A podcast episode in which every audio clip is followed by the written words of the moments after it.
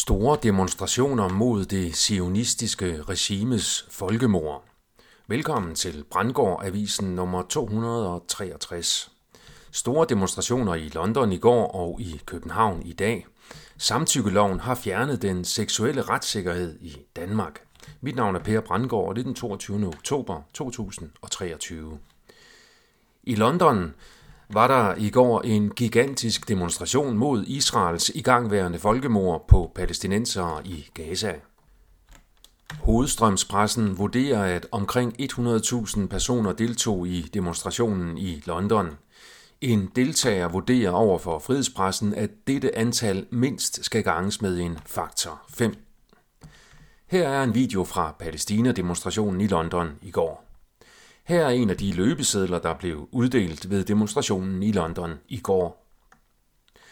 I Danmark har reality-stjernen Gustav Salinas ifølge Ekstrabladet modtaget dødstrusler, efter han har ytret støtte til ofrene i Palæstina.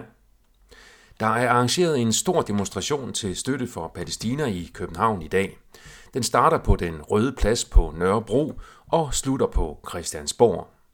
Den gående demonstration er ifølge begivenheden på Facebook organiseret af Internationalt Forums Palæstinagruppe Boykot Israel, de palæstinensiske foreninger i København, Studerende mod besættelsen, International Solidarity Movement Danmark, Palæstina Fredsvagter, Crisis Mirror, den palæstinensiske kulturarvsgruppe Olivengren, Palæstinensisk Kulturinstitut.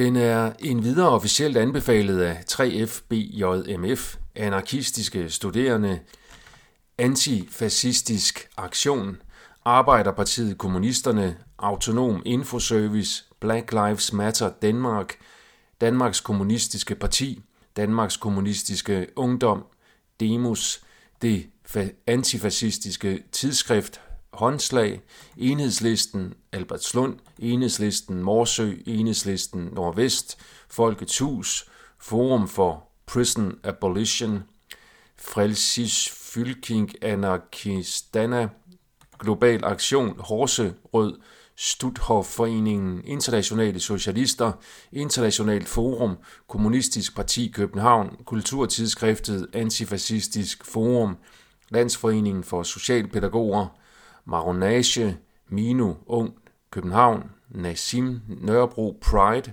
Respons, Revolutionære Socialister, Rød-Grøn Ungdom, Sit-In-bevægelsen, Socialistisk Ungdomsfront, The Greek Club in 3F Copenhagen, The Greek Society of Denmark og Venstrefløjen, den nye Venstrefløjs organisering i Danmark. Det fremgår af listen, at demonstrationen på forhånd er infiltreret af velfinansierede ballademager på samme måde som Men in Black sandsynligvis var skabt af Scientologys efterretningstjeneste i samarbejde med PET, som kontrollerede mørk og voldelig opposition. Kit Knightley skriver i Off Guardian, hvordan Israel-Hamas-krigen allerede fremmer The Great Reset-agendaen. Krigen er således endnu en undskyldning for at fremme censur og stanse ytringsfriheden. Ansigtsgenkendelses software bliver nu brugt af Israel til at identificere døde og til skadekommende i krigen. Før overraskelsesangrebet på Israel var denne software kendt som automatisk apartheid. På samme måde bliver denne type software også brugt i Sverige, angiveligt for at bekæmpe bandevold. Kit Knightley beskriver videre, at de alternative medier var den primære årsag til, at pandeminarrativet ikke levede op til sine grandiose mål. Israel-Hamas-krigen bidrager nu til at opdele de alternative medier i dem, der holder med Israel og dem, der holder med Hamas. Kit Knightley beskriver videre, at pandemien gjorde det klart for alle, at den globale elite følger den samme drejebog, og at krige som den mellem Israel og Hamas er designet til at få os til at glemme det faktum. Studier af dyb politik tyder på, at den globale elites plan længe har været tre verdenskrige. De nuværende situationer i både Ukraine og Palæstina kan hurtigt antændes til at være en regulær 3. verdenskrig med fysiske våben, herunder risiko for ekstremt ødelæggende atomvåben.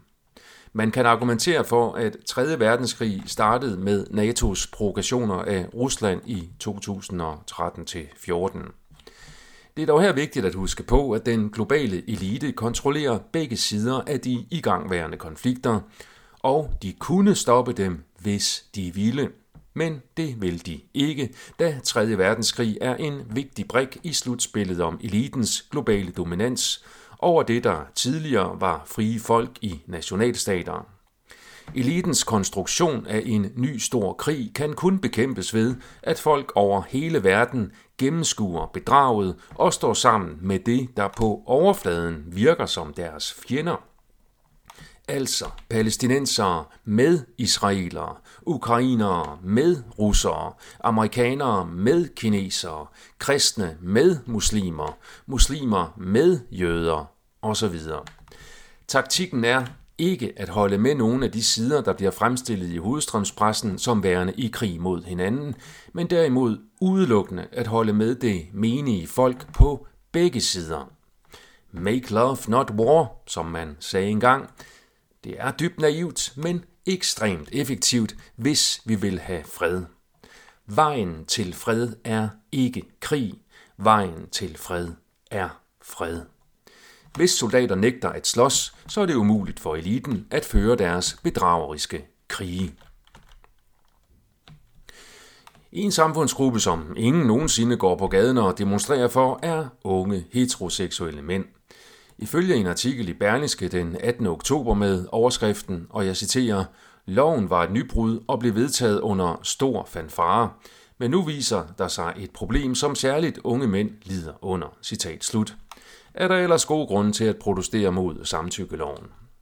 Det kriminalpræventive råd og Foreningen Danske Advokater vurderer således, at loven har sat turbo på en uheldig tendens, der efter alt at dømme vil betyde, at nogle vil blive dømt for en forbrydelse, de ikke havde forsæt om at begå. En stor del af især de unge danskere forstår nemlig ikke tilstrækkeligt, hvad et samtykke er, og det kan få store konsekvenser, skriver Berlingske. En ny undersøgelse fra det kriminalpræventive råd viste, at mere end hver tredje unge finder det unaturligt at spørge om samtykke til sex, og at 4 ud af 10 mænd på 16-20 år synes, at det er svært at afgøre, om den anden samtykker, hvis vedkommende ikke siger det med ord. Ifølge Rigsadvokaten er både antallet af dømte personer og antallet af sager steget fra 2021 til 2022 med mere end 40 procent. Forsvarsadvokat Julie Stage udtaler i artiklen, at borgere med den nuværende samtykkelov er efterladt i uvidshed om, hvad der er ulovligt. Og jeg citerer, Jeg tror simpelthen, der mangler grundlæggende indsigt og forståelse i samtykkebegrebet. Altså, hvad der ligger i det, og hvordan et samtykke ser ud, og hvornår det foreligger. Det skal være gennemskueligt og forudberegneligt for borgeren, hvad der er strafbart. Men det fremgår jo ikke specifikt, hvad der ligger i samtykke, når du læser bestemmelsen. Citat slut. Retssikkerhed kan defineres ved, at det er muligt, inden man udfører en handling, at vurdere, om den er lovlig eller ulovlig.